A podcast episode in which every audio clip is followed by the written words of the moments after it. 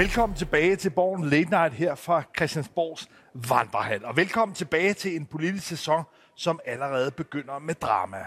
Regeringen, de tre partier, har ellers gået og planlagt en større efter os offensiv. Men den er blevet fuldstændig kortsluttet, kuldsejlet af den her korankrise, der har ramt Danmark, som har ramt regeringen, og hvor det i høj grad er udenrigsminister Lars Løkke Rasmussen, som er trådt frem på scenen. Den her korankrise, er det noget, der ligesom vil ryste dansk politik nu i lang tid, eller er det mere et øjebliksbillede?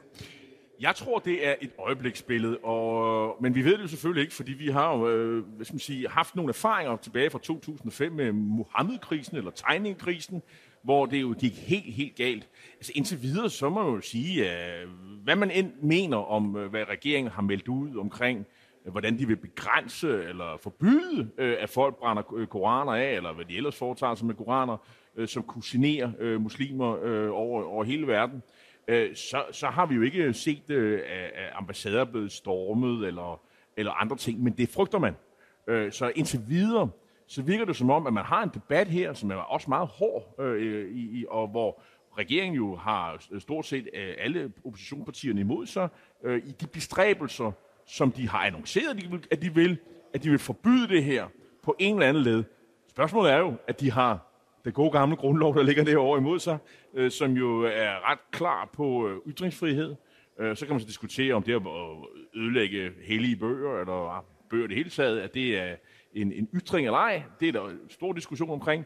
Men på den måde er regeringen jo i defensiven. Men vi ved jo faktisk ikke rigtigt, hvad de vil spille ud med.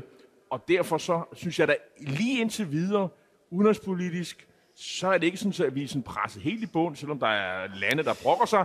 Men, og indrigspolitisk er, er man kommet i defensiven men, men jeg synes ikke, at man kan sådan sige, at krisen sådan er helt på samme niveau som tilbage i 2005. Men det opbrud, det nybrud, jeg synes, vi ser her, det er, at for første gang i mange år, måske i en hel generation, er en dansk regering begyndt at føre real udenrigspolitik. Forstået på den måde, at den måde regeringen, den måde Lars Løkke har håndteret det her på, har ikke været af hensyn til partierne her i Folketinget. Nej. Han har ikke taget hensyn til Dansk Folkeparti eller SF, eller hvad der nu ellers kan man sige har været partier.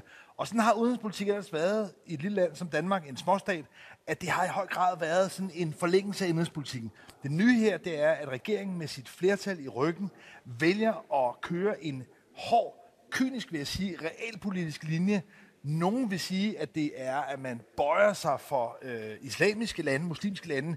Jeg vil nu betone, at amerikanerne har også meget klart markeret over for den danske regering, for danske diplomater, at det i en periode, hvor man forsøger at alliere sig blandt andet med Saudi-Arabien, her i weekenden var der en stor øh, Ukraine-konference, hvor man forsøger ligesom at slå nogle sprækker ind i forhold til dem, Rusland også forsøger at købe sig til, at der har det været meget, meget ubekvemt, at der kom støj på linjen for Danmark. Det hænger selvfølgelig også sammen med Sveriges optagelse i NATO, som endnu ikke formelt er blevet ratificeret i det tyrkiske parlament. Og i den situation, hvor man altså både vil have Sverige med i NATO, hvor man vil have flere lande til at tilslutte sig koalitionen mod Rusland, ja, der har man altså ikke ønsket fra amerikansk side, og sådan set heller ikke fra mange af de andre tonegivende lande, at man i Danmark, og for den sags skyld Sverige, skal have det her øh, ballade på gaderne. Så på den måde er det altså udtryk for nu her en regering, som vælger at sige indrigspolitik for sig, og her for øje, vil jeg sige, amerikanerne tager de store politiske hensyn. Og det er altså en ny måde at føre udenrigspolitik på i Danmark. Ja, man kan,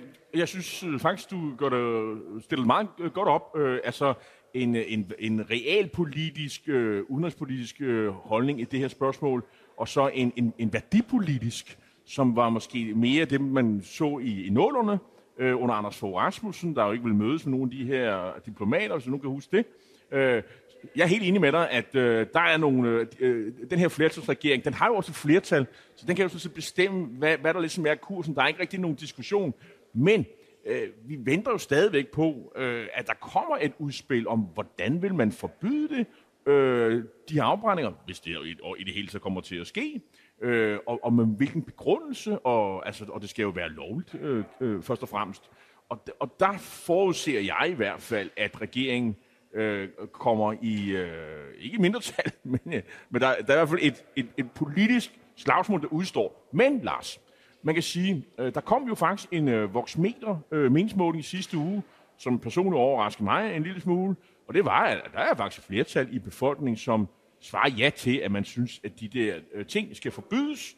Øh, og hvad er så begrundelserne? Øh, er det fordi, man synes, at det er forfærdeligt, at, øh, at, at nogen gør sådan? Eller er det, øh, fordi folk er bange simpelthen? Altså det er øh, sikkerhedsspørgsmålet, den nationale sikkerhed, er det det, der gør, at folk siger, ah, jamen så lad os forbyde det der pjat? Ja, det tror jeg, at det der er den udslagsgivende faktor. Og jeg synes også, det er værd at bemærke, at statsminister Mette Frederiksen, der jo kom ret sent ind i den her debat, altså det var Lars Løkke Rasmussen som udenrigsminister, der tog de første uge, 10 dage, før at Mette Frederiksen meldte sig på banen. Og det der jo er Mette Frederiksens meget klare budskab, det er, at det her primært er af sikkerhedshensyn. Så det Mette Frederiksen forsøger her, det er at signalere, at det er hende og regeringen, der er garanter for sikkerheden, for trygheden i Danmark. Og ved at bruge den retorik, den her skræmmebillede i virkeligheden, som hun jo har gjort med succes mange andre gange. Altså, Mette Frederiksen er ofte bedst, når hun på en eller anden måde bygger en stor ydre trussel op, og står som den, der vil forsvare Danmark. Og jeg tror sådan set, det er det budskab, Mette Frederiksen og regeringen som helhed er sluppet igennem med, og appellerer i virkeligheden puste til øh, vælgernes frygt for, at der kan ske forfærdelige hændelser i Danmark. Hvad, hvad siger du så til, at øh, det er det er sådan udenrigspolitik, øh, udenrigsminister Lars Løkke Rasmussen, der indleder det? Han tager ligesom tæten, og så går der sådan nogle dage, og så kommer justitsministeren på, på øh, sådan lidt fodslæbende på banen, øh, Peter Hummelgaard, øh, og så kommer øh, til sidst statsministeren i interviews her i øh, hen over weekenden, blandt andet i Weekendavisen, øh, og jeg vil sige, den meningsmåling, øh, som jeg hentydede til før, den blev faktisk lavet før det her. Tror du, at øh, regeringen har vundet første halvleg her, altså med de meningsmålinger der, som ikke er så, så, så, så skidt? Øh, kan de udbygge det forspring? Eller er det den der koalition af højre og venstre og aviserne, medierne, altså Berlingske, Jyllandsposten, Politikken, meningsdannende blade, i hvert fald en gang. Børsen er faktisk en undtagelse, der sidder Bjarne Gordon, han støtter regeringen, Øh, og øh, jeg er jo selv en, der har ytret mig lidt i, om det her på, i, i Berlingske. Jeg, ved, jeg, jeg synes, der er mange gode argumenter, hvorhen man kigger. Men, men, men der er jo en, en hård debat nu. Øh, tror du, det flytter noget, eller det her, det billede? Har folk taget stilling? Har regeringen egentlig vundet slaget øh, om sjælene i Danmark? Ah, Jamen, der er ikke nogen tvivl om, at det her har en stærk mobiliserende kraft, både for flere af partierne på højrefløjen, men bemærkelsesværdigt nok også fra både SF og Enhedslistens side. Det her det er ikke noget, hvor man kan sige, det er den ene side af Folketinget, der tamper på regeringen. Ej, det er begge sider. Og på den måde kan det jo minde umiddelbart en lille bit smule om hele den ballade, der var i forbindelse med afskaffelsen af Stor Bededag. Ja. Men jeg fornemmer din grundanalyse i forhold til, at det her ikke flammer op på samme måde som Stor Bededag. Og det skyldes jo nok helt grundlæggende, at hvor Stor Bededag var noget, folk ligesom i hvert fald godt kan forestille sig næste år, når den ikke er der, kan mærke, alle kan mærke det. Det her er jo en lidt mere abstrakt og egentlig værdipolitisk debat. Og der er det bare, at ja, jeg tror egentlig, at, at regeringen har formået at skabe den her ramme, den her fortælling om, at det er sikkerhed, men også, at det er realpolitik. Og, og, og jeg tror, at når regeringen ligesom går både op her, så tror jeg for det første, at man kan konstatere på den store politiske scene, den diplomatiske scene, at man sådan set har formået at få dyset det her ned. Jeg tror, amerikanerne, jeg tror i Washington D.C., der tror jeg, at man sådan set altså er øh, begejstret. Jeg tror, der er gode karakterer til den måde, Lars Lykke har håndteret det på. Og jeg tror indrigspolitisk, ja, der kommer vi nok snart til at se udspil fra regeringen, som også vil være med til at se noget opmærksomhed. Så jeg tror faktisk altså, øh, også, at det her vil være noget, enkelte politikere vil blive ved med at tale om. Jeg tror, vi kommer til at opleve noget i, i, i, i Folketing, på Folketingets talerstol hernede for enden af gangen, at der resten af efteråret, måske lang tid, vil være nogen, der vil lave manifestationer, som handler om, hvad man må sige, hvad man ikke må sige. Jamen, altså, det er jo ytringsfrihedsdiskussion. Den plejer i hvert fald at kunne sætte øh, sjældne i, i brand, ikke? Øh, og og man kan sige, øh, det man måske lige skal også have med, det er, at de radikale har jo øh, faktisk, de, de står, de er faktisk radikale øh, for en gang skyld. Vi ved ikke rigtig, hvor de står. Og så har Alternativet meget overraskende faktisk bakket regeringen op i det her spørgsmål. Måske lige minus Theresia Scavenius, som en gang imellem også har øh, forskellige synspunkter. Men, men, men, men, men, men grundlæggende kan man sige, at der er ingen tvivl om, at det har været en diplomatisk krise. Det er noget, hvor Udenrigsministeriet Lars Lykke har været et alarmberedskab, og jeg tror også på, at man fra politiets efterretningstjeneste og andre øh, myndigheder har været i en, øh, altså en alarmtilstand, hvor man har været meget, meget, meget Men... overvåget i forhold til, hvad der kunne ske. Men politisk set, ja, der tror jeg altså, at det her vil manifestere, at det er regeringen, det siger grundloven jo også, at det er regeringen, der fører udenrigspolitik, og hvad der måtte være af indrigspolitiske øh, altså kritik, det er i virkeligheden noget, man nu også har set, det kan man faktisk godt stå igennem. Og, og så var der jo også det, at øh, der har jo været det her øh, spørgsmål omkring, om, om hvorvidt russerne blander sig i diskussionen. I dag har politikken, jeg tror, der er en historie om, at, at der er nogle sms'er, der har tilflyttet øh, forskellige øh, unge mennesker, danskere, øh, om at øh, nu skal de gå ud og hævne øh, de her koranafbrændinger osv., og det mener man er noget, russerne har fundet på. Øh, om det er rigtigt, det ved jeg ikke, men der er i hvert fald mange af de her sikkerhedsspørgsmål øh, bliver blandet ind i den diskussion. Er der nogle kræfter, som, som, som ønsker at sætte den her diskussion i, i, i, i brand. Om det vil lykkes, det synes jeg ikke, der er noget, der er tydet på forløbet. Jeg vil også lige sige, det her med, at, at nu nævner du sikkerhedstjenesterne osv., det her trusselsniveau øh, mod Danmark, øh, det har jo været højt i overvis. Altså, øh, øh, rigtig mange år faktisk. Og det er, der er sådan fem skala, en skala på fem, og den er altså stadigvæk på fire, til trods for, at vi har oplevet øh, de her de sidste uger. Så altså, jeg ved ikke, øh, men alligevel siger de, at nu skal vi være mere op men på, på, på lakridserne omkring ja. de her ting, og det tror jeg også, sikkerhedstjenesterne er. Men i samme øjeblik, at der rent faktisk skal lade os, altså for alt i verden håbe, at det ikke ville ske, men hvis der rent faktisk skulle ske, altså øh, ulykkelige hændelser, så er det jo noget, der med et fingerknips kan ændre folkestemningen. Fuldstændig, så der er ikke nogen tvivl om. Ja. Så, så lige nu, som vi er nu, hmm. bare lige for at understrege det, det er ligesom det, det baserer sig på. Der ser det ud til, at regeringen rider sig igennem men, men, men, men altså, og så, der, der skal ikke meget til at, og, at ændre det. Og så er der også en anden ting. Altså, befolkningen, øh, vi er jo ikke naive mere. Altså, vi, vi har jo øh, haft denne diskussion for, noget der mindede om den for 15-20 år siden. Øh, vi har oplevet terror, også i Danmark. Øh, så det her med, at ting kan ske, det ved folk godt derhjemme i stuerne. Altså, og, og derfor så tror jeg også, at når statsministeren og udenrigsministeren og nu også forsvarsministeren, som kommer tilbage, øh, unison siger, at det her det er altså farligt, og nu skal vi lige tænke os om, hvad det er, vi går og laver. Ikke? Men jeg lad os netop tage fat i øh, den tilbagetrådte, eller tilbagevendende hedder det, øh, forsvarsminister og visestatsminister, mm. og ikke mindst formand for Venstre, Jakob Ellemann Jensen, som jo i tirsdags vendte tilbage fra et halvt års øh, sygeårlov, hvor han har været syg med, med stress. Han vendte tilbage. Hvad var det for et indtryk, der har været bygget meget store forventninger op. Der har været stillet spørgsmålstegn ved, om han overhovedet ville komme tilbage. Men hvad var det for et indtryk, han med de øh, få nøje udvalgte sådan, øh, interviews, hvad er det for et indtryk, han har efterladt?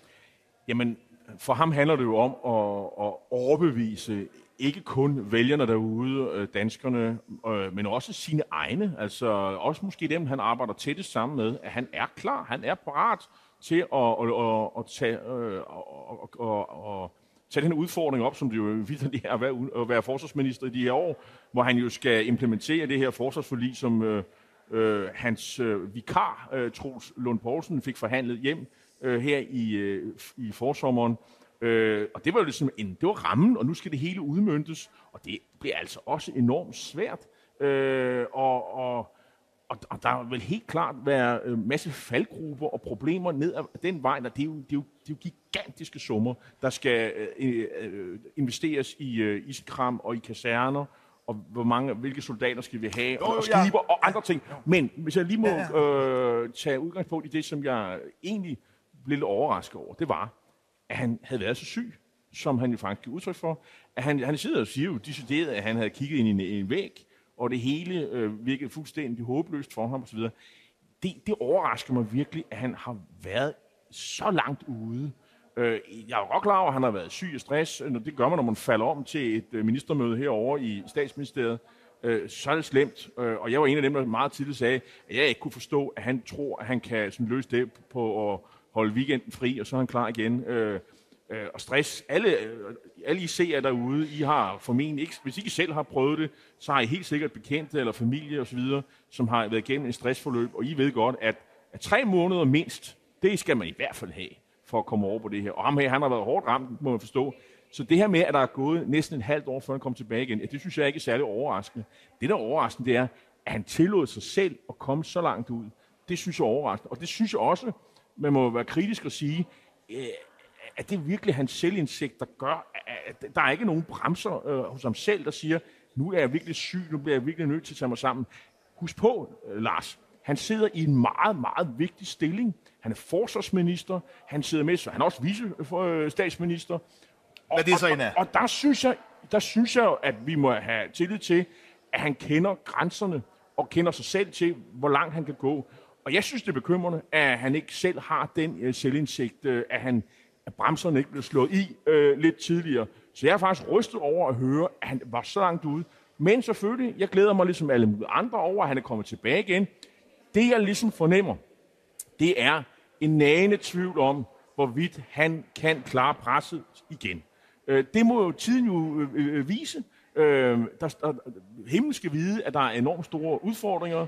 I, I dag er der jo øh, et pressemøde, hvor han jo skal forklare sig i den der øh, sag om de her israelske ar- artillerikanoner, som øh, blev presset igennem meget hurtigt. Øh, og jeg kan forstå på ham, at det, øh, han har sådan set bare været sådan en, en, øh, en bydreng for, for embedsmandsapparatet, som havde tilrettelagt jeg, øh, beslutningerne for ham. Jeg synes, den sag. at der er grund til at glæde sig hver gang, at der er en, der vender tilbage Absolut. fra en sygemelding. Og på den måde skal toppolitik jo også have en rummelighed i forhold til, at man rent faktisk kommer tilbage. Heldigvis er der også andre eksempler på øh, både altså partiledere, og i høj grad også minister, som rent faktisk kan komme tilbage. Så lad os bare lige altså, tage den tone af øh, optimisme i forhold til, at det selv er lykkes. Min bekymring går ikke så meget på, at han har været skrøbelig, for der tror jeg sådan set måske godt, at han, hvis han er rask igen, kan komme tilbage. Det, der slog mig ved de interviews, han gav her forleden, det var, at han ikke bare antydningsvist havde svar, hverken på nogle af de fremadrettede politiske udfordringer, regeringen står overfor, eller nogle af de sager, der har virvlet rundt i dansk politik i den periode, han har været sygemeldt. Det var simpelthen kemisk renset for noget, der kunne minde om et politisk budskab. Og det kan selvfølgelig være, og der må vi give ham altså så også tvivlens nådegave, at det kan jo være, at han i løbet af få døgn, få uger, kommer med nogle spektakulære politiske udmeldinger, der igen revitaliserer Venstre som et politisk parti, som et parti, som er mere andet end hælhæng til Lars Løkke og Mette Frederiksen. Men indtil at han kommer med noget, hvor der er noget mere bid i, så må jeg sige, så bliver jeg mere i tvivl om, hvorvidt han overhovedet har ideen, kraften til at give Venstre en rolle i den regering. Fordi vi har jo set i den periode, man har været væk, at Mette Frederiksen og Lars Løkke er to endnu meget, meget stærke spillere. Og sågar i den her forløb, som vi lige var inde på, ja, så har Lars Lykke i virkeligheden trådt faktisk hen foran Mette Frederiksen. Hvordan Jakob Ellemann skal kunne klemme sig ind i det spil, uden at have nogle idéer, der kan være med til at sætte debat, det har jeg svært ved at se. Jeg er faktisk meget enig med dig i, i kritikken. Jeg tror, og nu gætter jeg, at øh, Venstre strateger, de har sagt, det der interview, det skal handle om øh, øh, hele det der forløb, der var, og hvordan han kommer tilbage igen, og nu er han, og han udstrålede trods alt en vis vitalitet og aktivitet, og han havde glimtet tilbage i, i øjnene og sådan, og han ville virkelig det her, og han havde været ned og vende, og det, det er sådan noget, vil folk godt, godt høre. Jeg tror, de politiske budskaber, dem skal vi nok få at høre, og de kommer på øh, sommergruppemødet. Øh, der kommer her inden for så længe, der er de tre regeringspartier holder tre gruppemøder, Øh, I øvrigt sjovt nok i tre byer, med, der starter med H. Øh, Helsingør er en af dem i hvert fald. Og, øh, og, øh, og der får de jo en lånsvær. Altså et eller andet, de kan gå ud med. Øh, jeg tror for Venstre, det handler om skattelettelser. Det er mit eget bud. Det har også været det, som Venstre har før sommerferien krævet. Vi ved, der kommer en 2030-plan senere hen på efteråret, og, øh, og hvor, hvor der jo altså er det her råderum, som man, hvor man hvis nogen kan huske det, så, blev der pludselig, så fandt man pludselig 16 milliarder kroner ekstra ned i kassen, og, øh, og det skal jo udmøntes på noget. Og noget af det kommer til at gå til yderligere skattelettelse ud over de øh, alt i alt 7 milliarder kroner, som man i forvejen har lovet. 5 milliarder personskattelettelser og 2 milliarder i skattelettelser til erhvervslivet. Og så kommer der noget ekstra. Det vil jeg forudsige øh, der, hvor de politiske budskaber øh, kommer. Øh, og det vil måske egentlig være meget klogt. Så har man to dage, hvor man måske ellers ville have brændt, brændt alt krudtet af øh, en dag, ja. hvor man med, med flere forskellige budskaber. Men som du allerede har antydet, så er det i hvert fald ikke noget nyt budskab. da Troels Lund Poulsen sådan set allerede har, om jeg så må sige, næsten truet med det, i hvert fald presset jo. sig ind og sagt, at præmissen for, hvis Mette Frederiksen eventuelt være trådt af og rykket videre til posten som NATO's generalsekretær, som hele forsommeren jo handlede om, ja, så vil Venstre, kan man sige, kræve en genforhandling, blandt andet med skattelettelser. Så det er jo mildt ikke noget nyt krav. Alt, hvad der sker på forsvarsområdet, ja, det er også noget lidt. Så problemet for Jacob Ellemann, det er, at jeg er med på, at han godt kan komme med nogle gamle traver, han kan lægge nogle gamle LP-plader på, med nogle budskaber, som man allerede har kørt rundt i Manesien med, turneret med, og så håbe på, at det ligesom skaber en Jo, eller anden men, øh, virak. men, jeg men, men, men jeg tror bare, når man er venstremand, og øh, det er vi nogen, der er stadigvæk, så tror jeg, man vil meget gerne høre om skattelettelser, Lars. Og, og, øh, og man vil også gerne have lidt, øh, lidt regelforenkling, og, og der har regeringen jo også noget på plads, øh, eller på, på beding, inden for øh, ældrepleje og så videre. Og så er der jo hele det her med CO2 og landbruget. Øh, skal det kompenseres øh, krone til krone, når man skal ud og give, øh, hæve afgifterne? Er det også noget, Venstre vil, øh, vil, vil markere sig på til et jeg- sommergruppemøde? Hvis vi nu tager den. Ja. Altså, vi står over for et efterår, hvor det der ligesom er den helt, helt store hængeparti, landbruget, den voldsomme belastning, cirka en tredjedel af den samlede klimabelastning, kommer fra landbruget. Der er der en ekspertgruppe med økonomiprofessor Michael Svare i spidsen, der nu skal komme med nogle modeller, som man så efterfølgende skal forhandle politisk om. Og det, der allerede begynder nu at tegne sig, det er, at man ganske vist gerne vil være med til, det har man sådan allerede lovet, lave nogle ordninger, som vil tvinge landbruget til nogle reduktioner, men mod en pris. Landbruget skal igen igen, altså det måske mest statsstøttede erhverv i Danmark, skal nu igen ud med hatten i hånden og have penge Men Men af det- andre. Og der siger jeg bare, at tror du virkelig, tror du virkelig, at Venstre kan vinde vælgere på at gå ud og sige, at de ganske, efterhånden ganske få tusind familier i Danmark, der ernærer sig ved landbrug, at de skal have milliarder i støtte.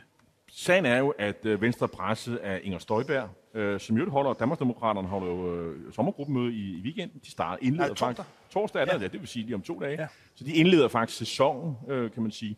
Og, øh, og de ligger pænt i meningsmålingerne omkring en, øh, 9, nogen 10 procent. Øh, og, øh, og det handler meget om arbejdspladser i øh, udkantsområderne. Og der er landbrug jo, øh, altså i hvert fald markør for det. Men altså ellers har du da fuldstændig ret. Øh, Men jeg tror, det er noget, Venstre holder fokus på. Øh, der er stadig, øh, øh, det er stadigvæk et parti med rødder i, i landbrugskredse. Så, så det er en ting. Men vi, før vi slutter, øh, Lars, så skal vi jo også lige omkring øh, det store rabalderslag, kan man sige, der har været i, i Socialdemokratiet, øh, og som blev indledt med Christian Rabia Massens øh, øh, kronik, øh, hvor han jo ligesom åbnede, på, åbnede for, at øh, de her, øh, den, den, den velfærd, som ældre skal regne med at få i fremtiden, ja, det skal nok ikke regne med, at det bare kommer fra statskassen. Måske tiden kommer til, at man selv skal betale i højere grad. Og det medførte jo så også en kritik, en terrenkritik, sjældent vil jeg sige, hvor socialdemokrater øh, er i clinch med hinanden. Anders Kronborg, men der var også andre, øh, jeg tror de var tre i øvrigt, der, der kom med et modsvar og sige, at det, de mente, det var et opgør med universalismen, altså det her med, vi betaler alle, og vi får alle den jo et samme vare øh, i, i, øh, i ældreplejen. Det er sådan det der universalismen, den universelle øh, idé om velfærdsstaten. Og øh, det medførte jo så også, at øh, en anden gik ud og kritiserede Anders Kronborg for at kritisere øh, Christian Rabjerg, nemlig Kasper Rov, tror jeg han hedder, øh, som er blandt andet øh, et øh, landdistriktsordfører, mener han er, blandt andet. Øh, ja, det er ikke nogen tilfældige skikkelser, fordi det vi kan se her, det er i virkeligheden, at der er sådan et slag blandt løjtnanterne for henholdsvis Nikolaj Vammen og Peter Hummelgaard. Hvis man kan huske tilbage til forsommeren, og vi havde hele den diskussion omkring, ville Mette Frederiksen rykke videre til NATO? Nej, det endte med, at hun ikke gjorde det, men vi havde Nikolaj Vammen på den ene side, og Peter Hummelgaard på den anden side. Og i deres kaffeklubber, ja, der sidder henholdsvis Christian Rabia og Anders Kronborg, og det er dem, der har været klins. Så det her forløb, vi har set, bærer meget præg af, at vi i virkeligheden har sådan lidt en skyggeboksning en forpostfægtninger, kan man sige, før slaget. mellem to reelle fløje, ideologiske fløje, der nu i virkeligheden er Socialdemokratiet. Så eftervejerne, eftervirkningen af Mette Frederiksens forsøg på at komme videre for Danmark, ja, det er altså, at hun har formået at sprætte fløjene op i Socialdemokratiet igen, så vi har den her kamp. Det tror Ånden jeg, er ude af flasken. og det tror jeg, at vi kommer til at opleve rigtig meget af. Nick, øh, Nick Hækkerup, den tidligere justitsminister, ja. mange år socialdemokratisk. Ja, han, havde, han havde jo en, øh, der var et interview med ham i Berlingske her i, øh, i søndags, tror jeg det var, og hvor han jo også, øh, fuldstændig som dig sagde, at det der, det kan gå helt galt, og han har jo en vis erfaring. Han sad jo med i, i 20 år var han jo i politik, og de sidste 10-15 år var han jo med i folketingsgruppen, øh, og kan huske tilbage til Augen og Nyrup, og hvad der ellers, hvordan de ellers slogs i, i gode gamle dage. Så, så, så det vil sige, og han advarer kraftigt ja. mod, og han ser tendenser, når han siger, at det kan gå rigtig galt. Så det er ikke bare noget, vi to står her og, og siger, fordi vi vil Socialdemokraterne det ondt. Der er også gode socialdemokrater, som, som kan se, at det her kan godt gå helt, helt galt. Dansk politik er i gang igen. Tusind tak, fordi I så med her i Borgen Lindheim og på gensyn på tirsdag.